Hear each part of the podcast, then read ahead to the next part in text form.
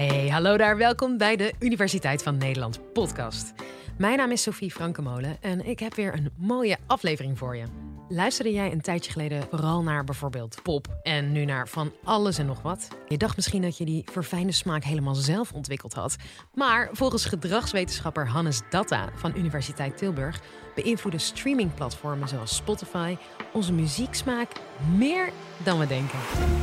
Dit is de Universiteit van Nederland. Spotify heeft de muziekwereld op zijn kop gezet. In dit college vertel ik jullie hoe streamingplatforms beïnvloeden welke nummers jij luistert. Denk eens terug aan de laatste paar nummers die je op Spotify bent tegengekomen. Heb je die echt zelf ontdekt? Of was het misschien een aanbeveling van Spotify? Als je het antwoord hierop niet zo 1, 2, 3 weet, kun je misschien wel nadenken over wat je precies doet met Spotify.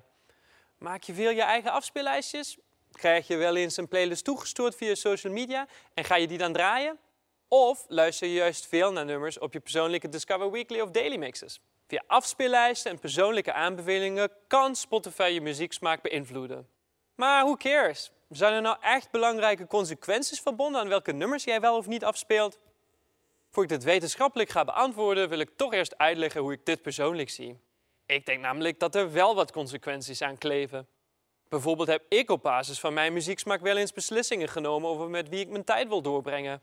Naar Amsterdam Dance Event met mijn buurman of toch liever naar Pinkpop met mijn oude vriendengroep. En nog een voorbeeld, dit keer iets wetenschappelijker. Enerzijds hebben wij als consumenten van muziek toegang tot een ongekend grote catalogus met miljoenen nummers. Iets wat heel veel mensen als positief zullen zien. Hè? Maar wel laat mijn data zien dat artiesten het steeds moeilijker hebben gekregen om luisteraars ook echt feitelijk aan zich te binden. Wat dan wellicht weer niet zo goed is. En omdat artiesten voor elke keer dat ze worden beluisterd een deel van Spotify's inkomsten te goed krijgen, dus ook de artiesten die je alleen als achtergrondmuziekje tijdens het werk draait, bepaalt jouw muzieksmaak wie wel of niet voldoende geld verdient in de industrie. Kortom, nieuwe technologieën zoals streaming kunnen voordelen en nadelen met zich brengen. Of in de woorden van de Netflix-documentaire The Social Dilemma, it's both utopia and dystopia. Als wetenschapper probeer ik zowel de voordelen als ook de nadelen van onze digitale samenleving in kaart te brengen en advies te geven hoe we dingen beter kunnen doen. En dit doe ik dan met name op gebied van muziekstreamingdiensten. Digitale platforms zoals Spotify zijn geleidelijk aan steeds een belangrijke rol in ons leven gaan spelen. Ten eerste brengen we heel veel tijd door op digitale platforms. En ten tweede domineert vaak één platform de markt. Spotify is bijvoorbeeld sinds 2010 in Nederland beschikbaar en heeft echt een quasi-monopolie op muziekstreaming in ons land. Vrij recent hè? En de meeste van ons kunnen zich het tijdperk voor het online streamen vast nog goed herinneren. Vraag jezelf eens af, is er iets veranderd in de manier waarop jij nu naar muziek luistert? Je zet waarschijnlijk net iets sneller een muziekje op, hè? ook al zit je maar een paar minuten in de wachtkamer van de tandarts. Of je hebt misschien minder geduld en dan sla je de nummers sneller over zodra ze je niet bevallen. En jij bent echt geen uitzondering, maar de regel. Je ziet tegenwoordig dan ook veel mensen met koptelefoons rondhangen. En de meerderheid zou wel Spotify aan hebben staan. Wat veel mensen opvalt, en dat geldt voor mij ook, online streaming lijkt onze muzieksmaak te beïnvloeden. Misschien hield jij eerst van country en luister je nu ook naar rap. Of je vindt het niet erg om smiddags naar jazz en s'avonds naar techno te luisteren. Ik persoonlijk luisterde vroeger bijvoorbeeld vaak naar rockmuziek, maar sinds ik op Spotify zit, luister ik meer en meer naar elektronische dance. Ik was hier behoorlijk door getriggerd en ben ik in de gegevens van Spotify gedoken. Hiervoor heb ik een computerprogrammaatje gemaakt dat het luistergedrag van zo'n 5000 gebruikers ruim anderhalf jaar lang heeft bijgehouden. Ik kon via de publiek beschikbare profielpagina's op social media niet alleen zien welke nummers mensen afspelen, maar ook of dit via streaming of via andere kanalen zoals downloads gebeurde.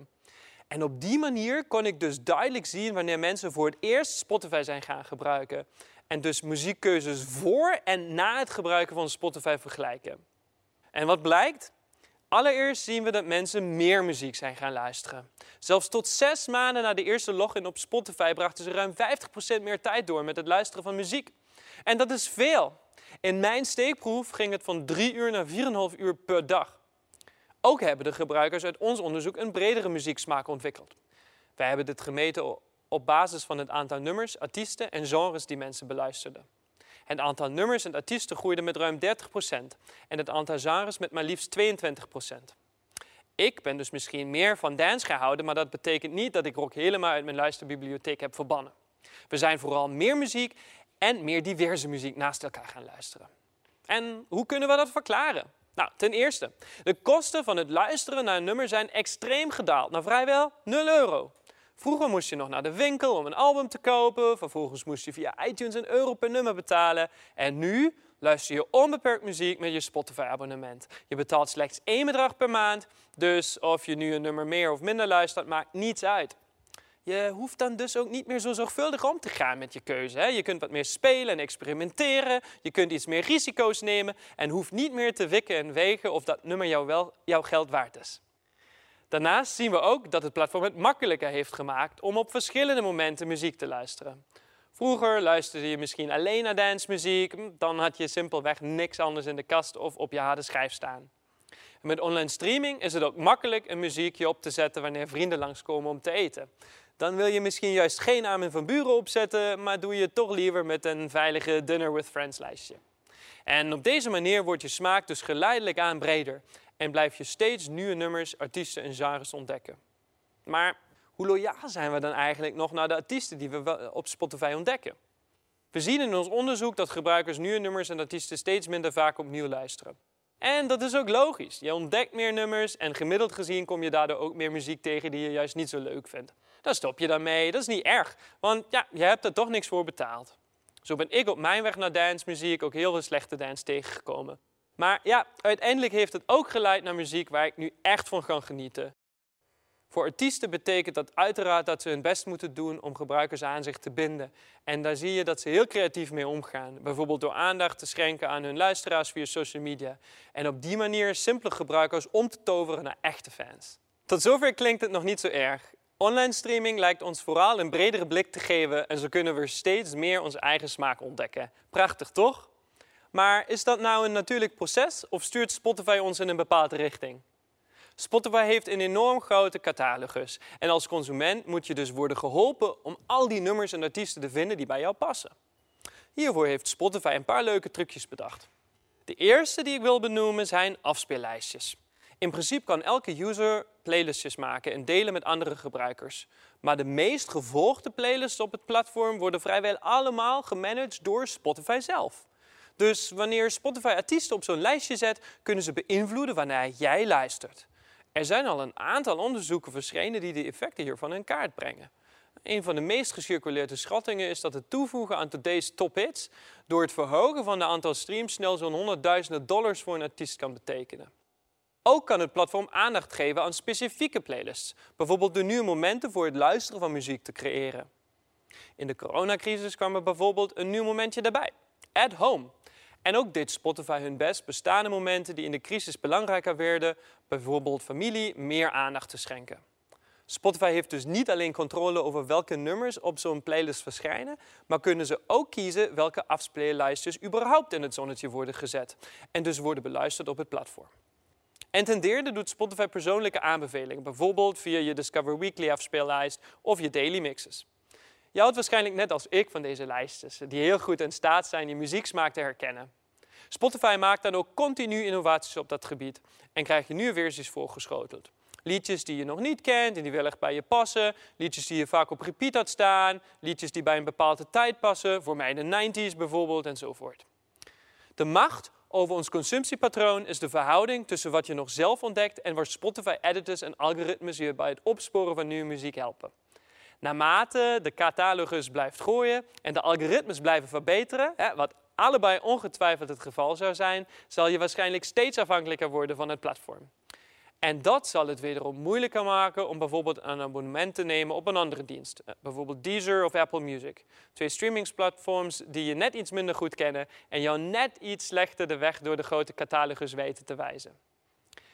Tot nu toe hebben we geleerd dat na de komst van Spotify muzieksmaak, of in ieder geval het luisteren van muziek, is veranderd. En dat Spotify veel tools in house heeft om jouw luistergedrag te sturen of bij te sturen. Hebben producenten van muziek, bijvoorbeeld de grote platenmaatschappijen, dan wel nog macht? Of zijn ze echt compleet afhankelijk van het platform waar hun muziek op wordt beluisterd? En waar zij dus het merendeel van hun inkomen mee verdienen? Hiervoor moeten we eerst de link gaan leggen tussen het aantal streams en het geld wat door producenten verdiend wordt op het platform. Vroeger maakte artiest een album en wilde jou ervan overtuigen dat het genoeg waard is om de CD te kopen. Zodra je die gekocht had, was het geld binnen.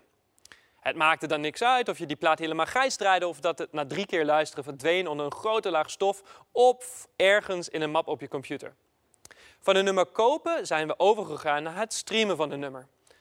Als artiest moet je nu niet iemand één keer overtuigen om het album of nummer te kopen, maar telkens opnieuw en opnieuw. En als je meer gestreamd wordt, krijg je uiteindelijk meer van het geld.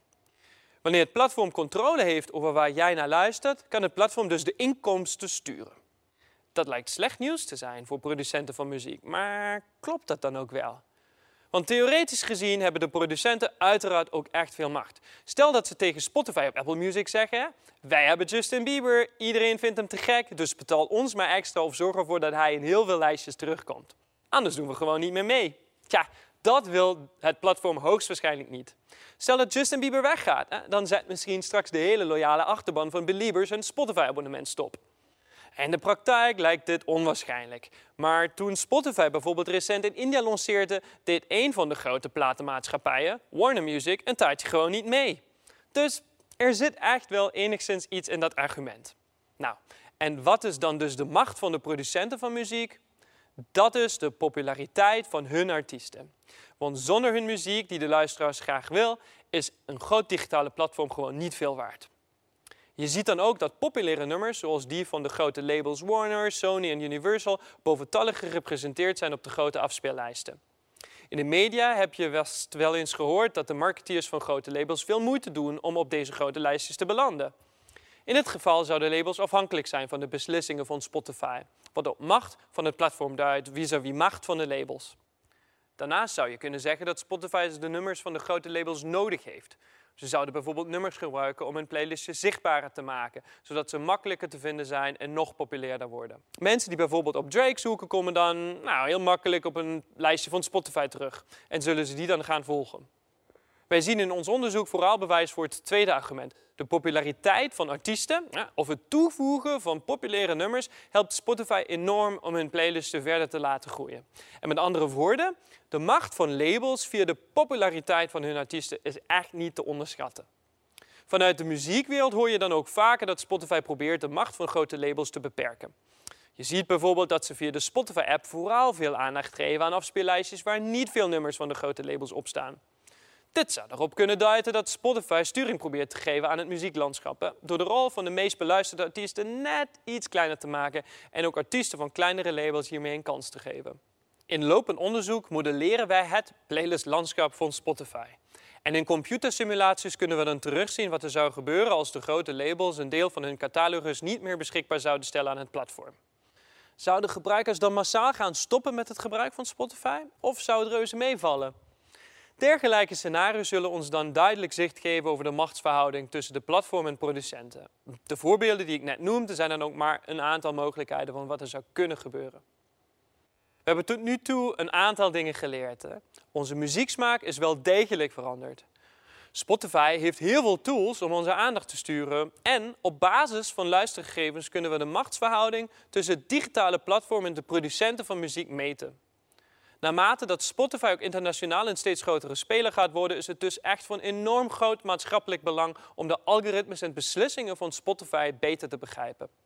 Muziek lijkt heel onschuldig, maar ik wil wel drie dingen onderstrepen. Ten eerste, willen wij als maatschappij dat een clubje mensen, bijvoorbeeld in het Nederlandse hoofdkantoor van Spotify, veel van deze dingen mag bepalen? Of lijkt het ons wenselijker dat er meer nog, nog meer transparantie komt over de inzet van algoritmes in de editorial beslissingen van het platform? En ten tweede, willen we dat bevindingen over de werking van algoritmes worden opgedaan door bedrijven zelf? Of lijkt het ons misschien wenselijker dat ook onafhankelijke wetenschappers toegang zullen gaan krijgen tot data? En ten derde, muziek lijkt onschuldig.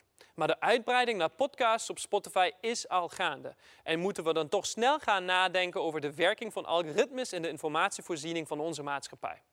Podcasts kunnen namelijk wel degelijk een eigen opinie of ideologie communiceren. En op het moment dat of een platform of een producent een grote rol gaat spelen in waar jij naar luistert, zal je snel in een filterbubbel terecht kunnen komen. Er zijn nu al talloze voorbeelden van bijvoorbeeld Instagram en Facebook, wat nogal behoorlijk problemen kan veroorzaken. Laten we nu terugkomen op de beginvraag van dit college. Wie bepaalt jouw muzieksmaak? Ben jij dat of Spotify? In dit college heb ik jullie laten zien dat Spotify diverse tools heeft om jouw luistergedrag en daarmee ook jouw muzieksmaak te beïnvloeden. Dit heeft directe consequenties voor het muzieklandschap. Voor zover wij dit kunnen zien, gebeurt dit niet op een schadelijke manier. Mensen luisteren naar meer muziek en naar meer diverse muziek. En terwijl de populariteit van grote artiesten voor een platform belangrijk is, probeert Spotify ook in te zetten om onafhankelijke labels een zetje te geven. Bijvoorbeeld door bepaalde afspeellijsten een prominentere plek in de Spotify-app te geven. Toch moeten wij, aangezien de grote macht die Spotify heeft over onze aandacht, dit platform wel goed in de gaten blijven houden. Want wat vandaag onschuldig lijkt, kan morgen wel een degelijke impact hebben. Hartelijk dank voor jullie aandacht. Dat was Hannes Data. Vond je het nou een leuk college? Laat het ons dan weten. En ben of ken jij een wetenschapper die je hier ook graag eens een keer zou horen met een inspirerend verhaal? Mail ons dan je tips via podcast.universiteitvannederland.nl. Tot de volgende!